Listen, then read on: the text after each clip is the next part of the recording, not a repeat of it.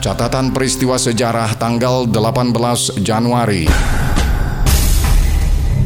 18 Januari 2005, Airbus A380, pesawat jet komersial terbesar di dunia, diluncurkan dalam sebuah acara di Toulouse, Prancis.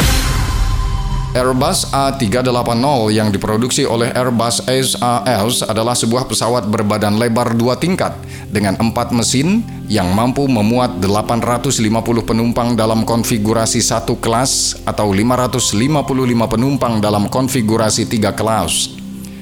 Pesawat ini melaksanakan penerbangan perdana pada 27 April 2005 dan telah memulai penerbangan komersial pada akhir tahun 2007 setelah ditunda beberapa kali.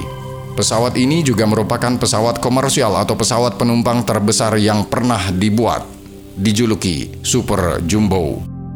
Airbus A380 dikembangkan untuk mengatasi masalah yang semakin bertambah berkaitan dengan kepadatan dan sistem kontrol trafik udara yang mulai kesulitan dengan banyaknya jumlah pesawat.